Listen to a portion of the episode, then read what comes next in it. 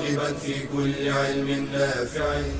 ينمو العلم ويتقدم بتقنياته ومجالاته ومعه نطور أدواتنا في تقديم العلم الشرعي.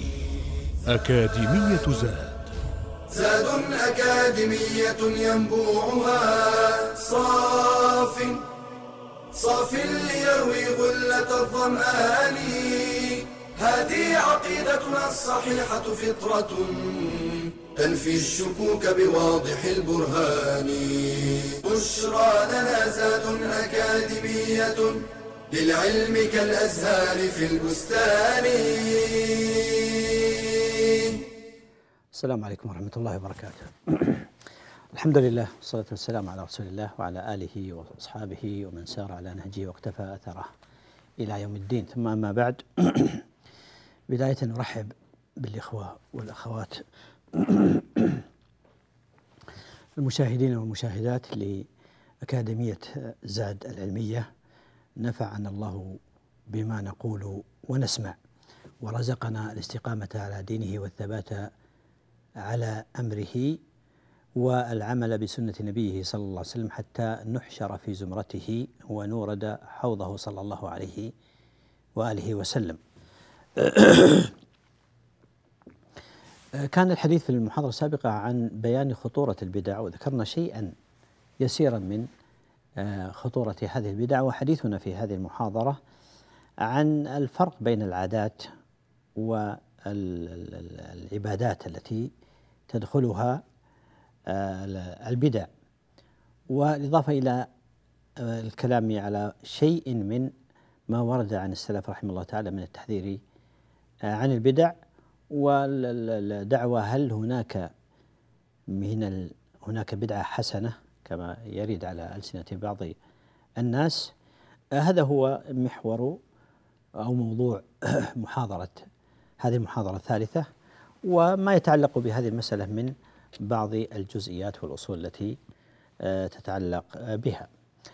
فأما المحور الأول وهو الفرق بين العادات والعبادات.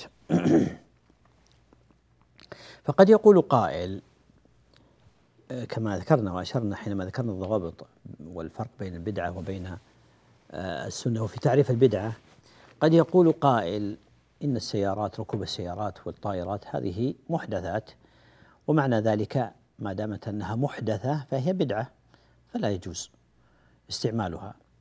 بل حتى إن القنوات الفضائية الآن مثل القناة التي نحن نتحدث من خلالها واجهزه الحاسوب وغيرها هذه كلها أمور محدثة لم تكن في عهد النبي صلى الله عليه وسلم فتكون من البدع المذمومة.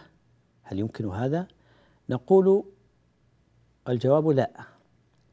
فهناك فرق بين العادات وبين العبادات. فالعادات والأمور العادية الأصل فيها الإباحة إلا ما جاء النص بالمنع منها. ولهذا قال الله عز وجل هو الذي خلق لكم ما في الأرض جميعا. فالأصل فيه الإباحة ولذلك أباح الله لنا من المآكل كل شيء إلا ما ورد التحذير منه. وإلا فالأصل الإباحة. أباح الله لنا جميع المشارب إلا ما ورد التحذير منه. أباح الله لنا الملابس إلا ما جاء التحذير منه. وهذه قاعدة مضطردة. فالأصل في العادات. الإباحة إلا ما ورد التنصيص على المنع منه. بخلاف العبادات فهي بعكس ذلك. فالأصل فيها المنع إلا ما جاء إلا بما جاء على لسان النبي صلى الله عليه وسلم كتاب الله أو في سنة النبي صلى الله عليه وسلم. ولهذا قال الله تعالى أم لهم شركاء شرعوا لهم من الدين ما لم يأذن به الله. فمعنى ذلك أن العبادات الأصل فيها المنع إلا ما أذن الله فيه وشرعه. والعادات الأصل فيها الإباحة إلا ما منع الله منه وحذر منه ومنعه. ففرق بين الصورتين وهذه قاعدة مضطردة وقاعدة مجمع عليها. في أن الأصل في العبادات الحظر والمنع والأصل في العادات الإباحة والإطلاق إلا ما جاءت النصوص في تقييده. في هذا يقول ابن القيم رحمه الله تعالى يقول الفرق بينهما أي العادة وبين العبادة أن الله سبحانه وتعالى لا يعبد إلا بما شرعه على ألسنة رسله صلوات الله وسلامه عليهم. لماذا؟ يعلل ذلك بقوله فإن العبادة حق علي حقه على عباده. التعبد والعبادة حق الله تعالى على عباده. وحقه الذي أحقه هو ورضي به وشرعه. وأما العقود والشروط والمعاملات فهي عفو حتى يحرمها الله عز وجل. ولهذا نعى الله سبحانه وتعالى على المشركين نعى عليهم مخالفة هذين الأصلين وهما وهما أصلان مهمان وعظيمان. أولهما تحريم ما لم يحرمه الله لأن المعاملات والعادات الأصل فيها الإباحة ولا يجوز تحريم ما لم يحرمه الله. المشركون المخالفون حرموا ما لم يحرمه الله. وهذا الأصل الأول. والأصل الثاني وهو التقرب إليه تعالى بما لم يشرع وهو الابتداع والإحداث في دين الله عز وجل ما لم يأذن به الله عز وجل. ولهذا يقول ابن تيمية رحمه الله تعالى يقول الأصل في العبادات ألا يشرع منها إلا ما شرعه الله والأصل في العادات ألا يحضر منها إلا ما حضره الله. وهذه قاعدة متبعة ومضطردة. وقد تقدم معنا في الحديث عن التعريف البدعة بضوابط البدعة. متى تكون بدعة ومتى تكون عادة؟ وذكرنا أربعة ضوابط مهمة جدا في هذا الجانب وهي أولها أن تكون محدثة مخترعة وليست. على مثال سابق الأمر الثاني أن تكون في الدين وليست في الأمور العادات والمعاملات. أي نعم. والأمر الثالث أن يقصد بها التقرب والتعبد إلى الله عز وجل. والرابع أن تضاهي الشرعية. هذه الضوابط التي تفرق بين الجائز والممنوع من هذه الصور. هذا الأمر يعني قد يجرنا إلى الحديث عن الكلام على يعني أسباب الابتداع. لماذا يقع الناس في في في البدع؟ مع هذا التحذير العظيم والنصوص كثيرة جدا في التحذير منه. أول هذه الأسباب هو القول في الدين بغير علم. أن يقال في الدين بغير علم. وقبول ذلك القول من قائله ولهذا قال الله تعالى فمن أظلم ممن افترى على الله كذبا ليضل الناس بغير علم. وصور الجهل كثيرة لكن منها على سبيل المثال وهما مهمان في جانب الابتداع. أولهما الجهل باللسان العربي فتفهم النصوص على غير مراد الله ومراد رسوله صلى الله عليه وسلم. وهذا يدل على أهمية تعلم اللغة وأساليب العرب في لغتها لنفهم كلام الله ونفهم كلام النبي صلى الله عليه وسلم. وميزان ومعيار الفهم الصحيح لكلام الله وكلام رسوله صلى الله عليه وسلم هو فهم السلف رضوان الله تعالى عليهم لهذه النصوص. فهم السلف هو المعيار والميزان الصحيح لفهم مراد الله ومراد رسوله وكلام الله وكلام رسوله صلى الله عليه وسلم لأنهم هم أصحاب اللسان الذي نزل به الوحي والقرآن قبل أن تدخل الدواخل الأخرى. فإذا آه، من أكبر أسباب الوقوع في البدع هو القول في الدين بغير علم وسبب ذلك إما الجهل باللسان العربي وإما الجهل بالسنة فلا يميز بين الصحيح والضعيف. ولذلك نجد أن أكثر البدع مبني على أحاديث موضوعة مكتوبة على النبي صلى الله عليه وسلم لجهلهم بالتمييز بين الصحيح والضعيف من أقوال النبي صلى الله عليه وسلم. فينسبون إلى النبي صلى الله عليه وسلم ما لم يقله ويتعبدون الله عز وجل بهذا المنسوب المكذوب. وهذا دليل على خطورة الأمر. نسأل الله العافية والسلامة. هذا أول وأهم وأخطر أسباب انتشار البدع أو ظهور البدع والوقوع فيها. نسأل الله العافية والسلامة. وفاصل ثم نعود لاستكمال هذا الجانب إلى أن نلتقي. نستودعكم الله. والسلام عليكم ورحمة الله وبركاته. بشرى لنا أكاديمية للعلم كالأزهار في البستان.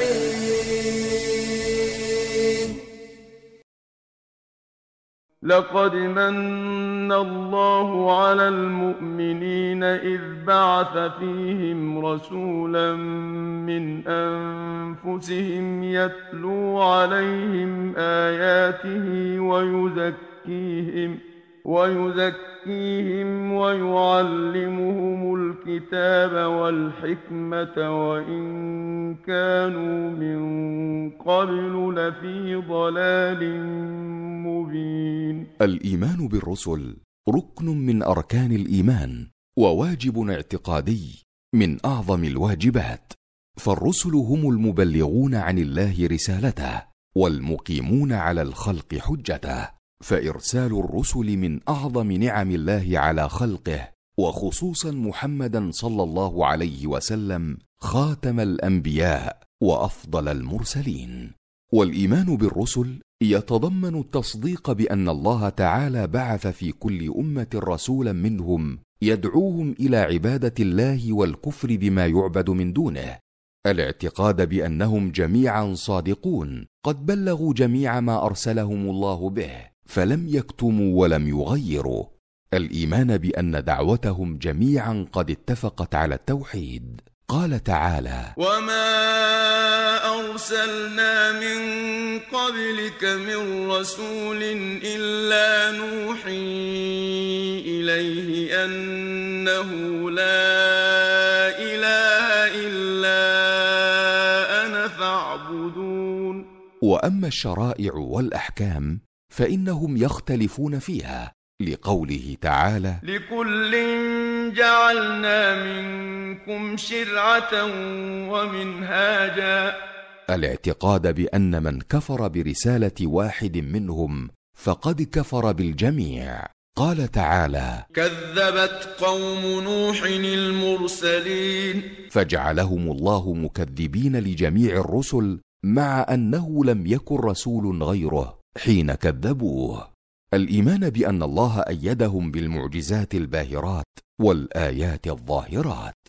التصديق بما صح عنهم من أخبارهم. الإيمان بأن خاتمهم هو نبينا محمد صلى الله عليه وسلم فلا نبي بعده. قال تعالى ما كان محمد أبا أحد من رجالكم ولكن رسول الله وخاتم النبيين. الاعتقاد بأنهم يتفاضلون في المنازل عند الله وأن أفضلهم محمد صلى الله عليه وسلم. وللإيمان بالرسل ثمرات جليلة منها العلم برحمة الله تعالى وعنايته بخلقه حيث أرسل إليهم أولئك الرسل الكرام للهداية والإرشاد. شكر الله تعالى على هذه النعمة الكبرى. محبة الرسل وتوقيرهم والثناء عليهم بما يليق بهم لأنهم رسل الله تعالى وصفوة عبيده. العلم بقدرة الله تعالى واصطفائه لبعض خلقه وتفضيله بعضهم على بعض. التمسك بما جاءوا به فهو الطريق الموصل إلى سعادة الدنيا والآخرة بشرى لنا زاد أكاديمية للعلم كالأزهار في البستان السلام عليكم ورحمة الله وبركاته. آه، أشرنا قبل الفاصل إلى أهم أسباب الابتداع وقلنا هي القول في الدين بغير علم وهذه من أهم الوقوع الناس في البدع وهو الجهل بمراد الله ومراد رسوله من النصوص وفهمها على غير الصحيح. والجانب الثاني هو الجهل بالسنة وعدم التمييز بين الصحيح والضعيف وهذا مهم جدا في من أسباب الوقوع في البدع. بعضهم يتعبد الله عز وجل ويبني على أحاديث مكذوبة على النبي صلى الله عليه وسلم. والعلماء ولله الحمد بينوا الصحيح من الضعيف وميزوا بين هذا وذاك فلم يبقى لقائل مقالة والحمد لله رب العالمين. من أسباب آه، الوقوع في البدع هو اتخاذ الرأي والاستحسان مصدرا من مصادر الدين. فجعل الرأي أو بالتعبير القرآني الهوى مصدرا وإلها. يصدر الإنسان منه ويتعبد الله عز وجل بما يهواه وبما يراه وبما يستحسنه عقله. وهذا أمر لا شك من الخطورة بمكان. فكلما استحسن شيئا اتخذه عبادة. ولهذا قال الله تعالى أفرأيت من اتخذ إلهه هواه وأضله الله على علم؟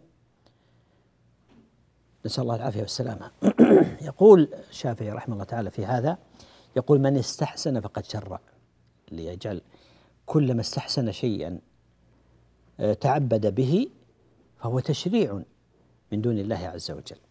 كذلك من أسباب الوقوع في البدع اتباع المتشابه وقد حذرنا الله عز وجل وبين أن هذا مسلك الذين في قلوبهم زيغ فأما الذين في قلوبهم زيغ فيتبعون ما تشابه منه ابتغاء الفتنة وابتغاء تأويله وما يعلم تأويله إلا الله. في مقابل والراسخون في العلم يقولون آمنا به كل من عند ربنا. التسليم والتصديق التام لكل ما في الكتاب والسنة كل من عند ربنا. امتدحهم الله تعالى بقوله وما يذكر إلا أولو الألباب. ثم ذكر دعاء الراسخين جعلنا الله وإياكم منهم. قال بعدها ربنا لا تزغ قلوبنا بعد إذ هديتنا وهب لنا من لدنك رحمة إنك أنت الوهاب. لما ذكر فأما الذين في قلوبهم زيغ كان من دعاء الراسخين ربنا لا تزغ قلوبنا. الإنسان يخاف على قلبه. يخاف أن تزل قدمه. ويستحسن ما لم يشرع. وتزل قدمه في البدعة والعياذ بالله فشرع الدعاء بالثبات على الحق. لا تزغ قلوبنا. بعد إذ هديتنا وهب لنا من لدنك رحمة إنك أنت الوهاب. من هذه الوسائل والكلام فيها يطول اتباع المتشابه وذكرنا النقطة الكلام في هذه النقطة هذه. منها الغلو. وهذا من أكبر أسباب الوقوع في أكبر وأخطر أنواع البدع وهي الشرك بالله عز وجل. كالغلو في الصالحين والغلو في الأنبياء والغلو في في التعبد وغير ذلك وهي من أكبر أسباب الابتداء. نسأل الله العافية والسلامة. وتعرفون الثلاثة الذين آه، سألوا عن عبادة النبي صلى الله عليه وسلم فكأنهم تقالوها فأرادوا أن يبتدعوا عبادة يزيدوا على غير ما كان عليه النبي صلى الله عليه وسلم فنهاهم النبي صلى الله عليه وسلم ما بال أقوام كما قال عليه الصلاة والسلام. فمن رغب عن سنتي فليس مني. هذه القاعدة. من رغب عن سنتي فليس مني. من هذه الأسباب التسليم لغير المعصوم صلى الله عليه وسلم. فبعض الناس يأخذ أقوال بعض الناس مهما كانت مكانته على سبيل التسليم ويجعل قوله دينا مسلما يدان به ولو خالف الكتاب والسنة. وهذا من أكبر أسباب اتباع الشيوخ واتباع العوائد واتباع غير المعصوم. مهما كانت مكانته ومنزلته اتباع غير المعصوم في كل ما يقول ويعمل هو من أكبر أسباب الابتداع. وقد أمرنا باتباع المعصوم فقط. أما غيره وهو النبي صلى الله عليه وسلم أما غيره فالقاعدة كما يقول الإمام مالك كل يؤخذ من قوله ويرد إلا المعصوم صلى الله عليه وسلم. فمن أسباب يعني الوقوع في في في في, في البدع اتباع غير المعصوم كاتباع العوائد والأعراف اتباع الآباء والمشايخ اتباع المذاهب والطوائف اتباع الأعراف الشائعة ما كان عليه الناس. اتباع الشيوخ لا. اتبعوا ولا تبتدعوا. اتباع الكتاب والسنة. ما دلنا عليه النبي صلى الله عليه وسلم وشرعه. أما ما عداه فكل يأخذ من قوله ويرد. إلا المعصوم صلى الله عليه وسلم. لهذا جاء التحذير تحذير السلف رحمه الله تعالى من الابتداع في الدين وذكرنا شيئا من ذلك فيما تقدم حينما تحدثنا عن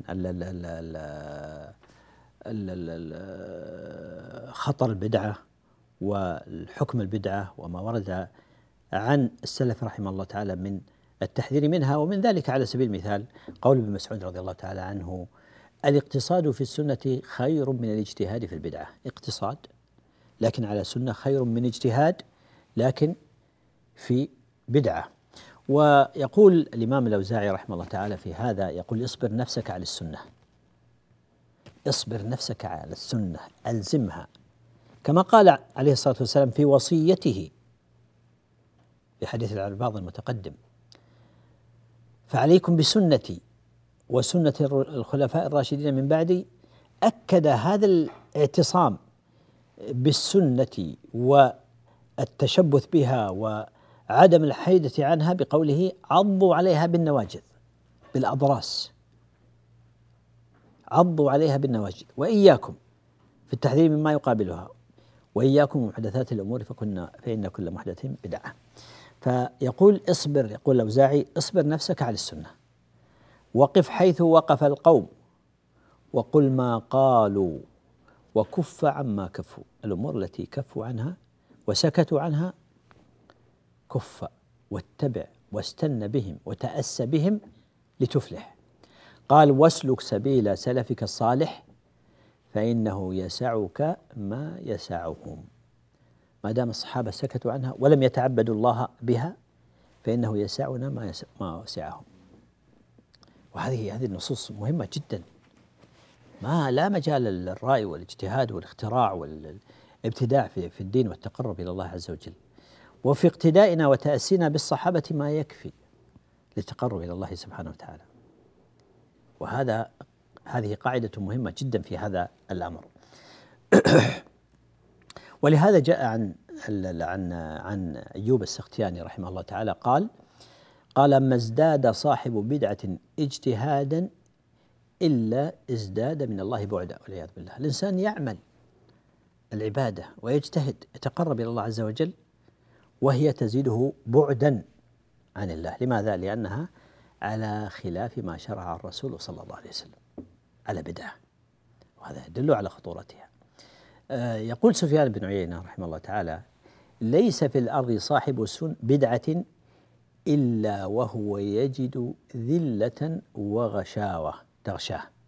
ذلة تغشاه. قال وهو في كتاب الله. هذا الكلام. وهو في كتاب الله.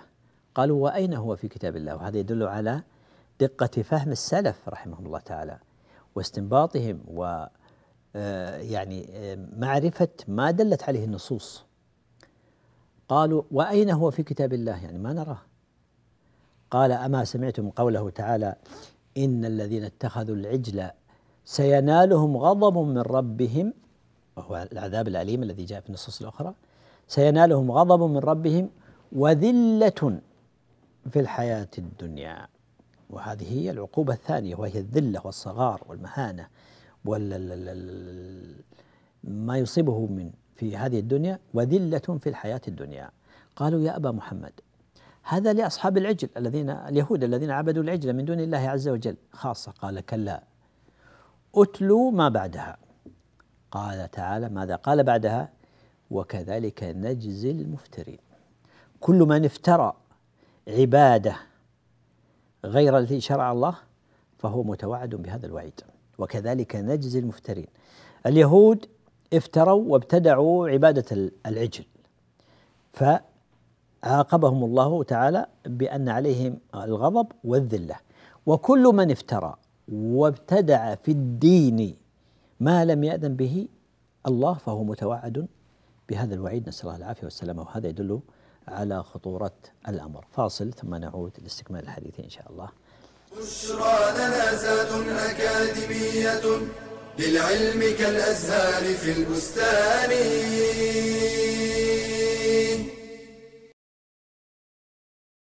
للإيمان أركان يقوم عليها ولا يصح إلا بها ومنها الإيمان بالقدر وهو تقدير الله تعالى لكل ما يقع في الكون حسب ما سبق به علمه واقتضته حكمته وللإيمان بالقدر مراتب منها الإيمان بعلم الله الأزلي وأنه أحاط بكل شيء علما وأنه علم ما كان وما يكون وما سيكون جملة وتفصيلا. قال تعالى إن الله بكل شيء عليم. فلا يتجدد له علم بعد جهل ولا يلحقه نسيان بعد علم. ومن الإيمان بالقدر الإيمان بالكتابة. فنؤمن بأن الله كتب ما سبق به علمه من مقادير المخلوقات في اللوح المحفوظ. فكل ما جرى وما يجري وكل كائن إلى يوم القيامة مكتوب عند الله. قال تعالى وكل شيء أحصيناه في إمام مبين. وفي الحديث إن أول ما خلق الله القلم فقال له اكتب فجرى بما هو كائن إلى الأبد. ومن الإيمان بالقدر الإيمان بالإرادة والمشيئة. فنؤمن بأن كل ما يجري في هذا الكون إنما هو بإرادة الله ومشيئته. فما شاء الله كان وما لم يشأ لم يكن. لا يسأل عما يفعل لكمال حكمته وسلطانه وهم يسألون. ومن الإيمان بالقدر الإيمان بالإيجاد والخلق. فنؤمن بأن الله خالق كل شيء لا خالق غيره ولا رب سواه وأن كل ما سواه مخلوق فهو خالق كل عامل وعمله وكل متحرك وحركته. قال الله تعالى الله خالق كل شيء وهو على كل شيء وكيل. فمن آمن بالقدر توكل على الله ولجأ إليه فالخير كله من عنده سبحانه. ومن آمن بالقدر أخذ بالأسباب المشروعة لأنها من القدر فإهمال الأسباب نقص في العقل والتوكل عليها نقص في التوحيد. ومن آمن بالقدر اطمأنت نفسه وثبت عند المصائب لعلمه أنها مقدرة. قال تعالى ما أصاب من مصيبة في الأرض ولا في أنفسكم إلا في كتاب من قبل أن نبرأها. إن ذلك على الله يسير. لكي لا تأسوا على ما فاتكم ولا تفرحوا بما آتاكم. والله لا يحب كل مختال فخور.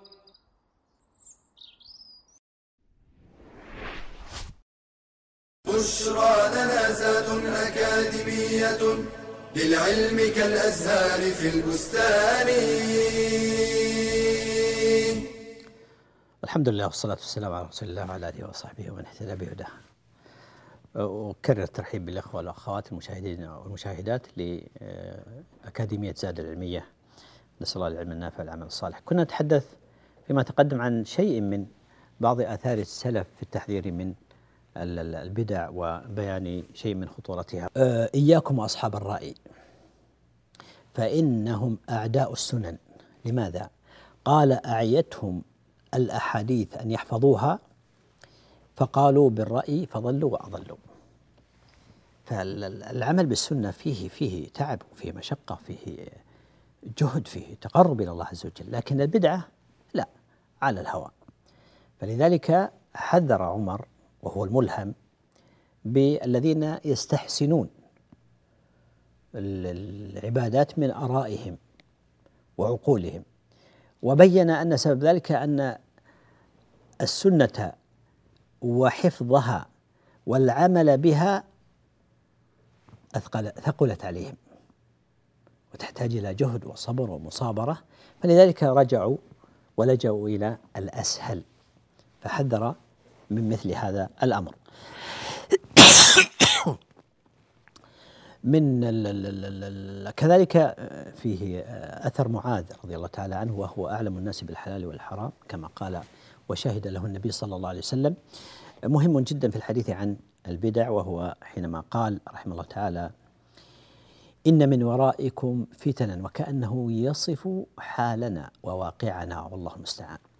يقول معاذ رضي الله تعالى عنه إن من ورائكم فتنا يكثر فيها المال ويفتح فيها القرآن حتى يأخذه المؤمن والمنافق والرجل والمرأة والصغير والكبير والحر والعبد. نعم. قال إلى أن قال فيوشك قائل أن يقول ما للناس لا يتبعوني وقد قرأت القرآن. ما هم بمتبعي حتى أبتدع لهم غيره. آتي بشيء غريب آتي بشيء جديد آتي بشيء آه، ليس عليه القرآن والسنة لأن هذه معروفة عند الناس كلهم. لكن لا أبتدع شيء جديد. والناس تألف الجديد والحديث والغريب. فيدخل الشيطان من هذا المدخل على من؟ على حامل القرآن على صاحب القرآن نسأل الله العافية والسلامة. نعم. قال ف وقد قرأت القرآن وما هم بمتبعيه حتى أبتدع لهم غيره. قال رحمه الله تعالى وإياكم وما ابتدع. التحذير هنا. وإياكم وما ابتدع فإنما ابتدع ضلاله. وأحذركم هذا من كلام معاذ رضي الله تعالى عنه. وأحذركم زيغة الحكيم. حكيم صاحب عقل راجح وعلم ومكانة ومنزلة. ويمكن أن يزيغ. نعم. ويا وأحذركم زيغة الحكيم. فكان هذا مثار التساؤل وقال قبل أن نثير أو نشير إلى مثار التساؤل قال فإن الشيطان قد يقول كلمة الضلالة على لسان الحكيم. فيرد التساؤل. فكيف نعرف أن أن هذه زيغة من زيغ من زيغ الحكيم وأنها انحراف وضلال. فبين هنا. قال فإن على الحق نورا. الحق واضح أبلج لا يخفى. والزيغ ظلمة والنفوس تشرئب منه وتعرف أنه ليس بكذلك. وحذر أيضا من أن المنافق قد يقول كلمة الحق وهو منافق معروف وعليه سيم النفاق لكنه قد يقول كلمة الحق.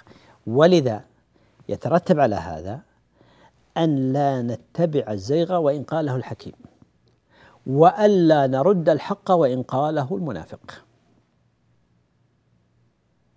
فالحق هو الهدف وهو الغاية وهو المطلوب والزيغ والضلال مردود محذور منه وإن قال بالزيغ الحكيم وإن قال بالحق المنافق وهذه قاعدة مهمة جدا من معاذ رضي الله تعالى عنه وأرضاه.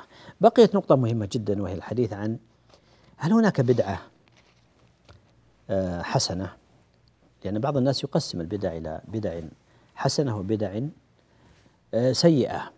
وممن عرف عنه وقال بهذا من المتقدمين العز بن عبد السلام رحمه الله تعالى في قواعد الأحكام وجاء من بعده من قال بها اتباعا له رحمه الله تعالى وعفى عنا وعنه. لا شك أن القول بالبدعة بأن هناك بدعة حسنة أن هذا مخالف للنصوص الواردة من كتاب الله تعالى وسنة النبي صلى الله عليه وسلم لأنها جاءت كلها بالتحذير من ذم البدع كلها.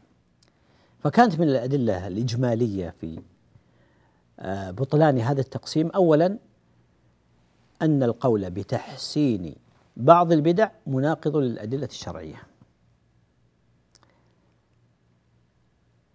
الواردة في ذم البدع كلها. النبي صلى الله عليه وسلم يقول كل بدعة ضلالة ويقول القائل هناك من البدع ما هو حسنة فهو مخالف ومصادم.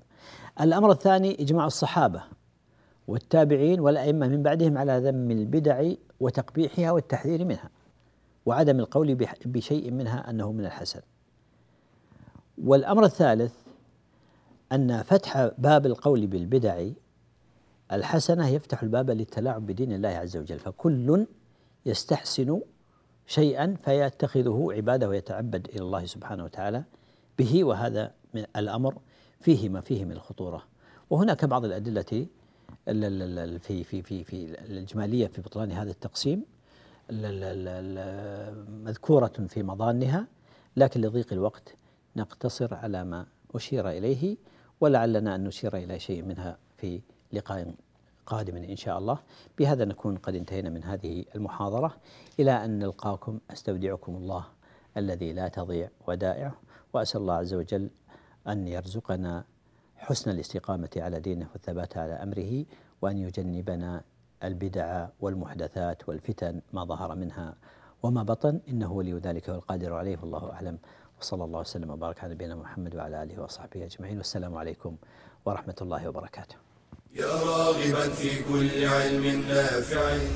ينمو العلم ويتقدم بتقنياته ومجالاته ومعه نطور أدواتنا في تقديم العلم الشرعي. أكاديمية زاد. زاد أكاديمية ينبوعها. صاف صاف ليروي غلة الظمآن. هذه عقيدتنا الصحيحة فطرة تنفي الشكوك بواضح البرهان. بشرى لنا زاد أكاديمية للعلم كالأزهار في البستان.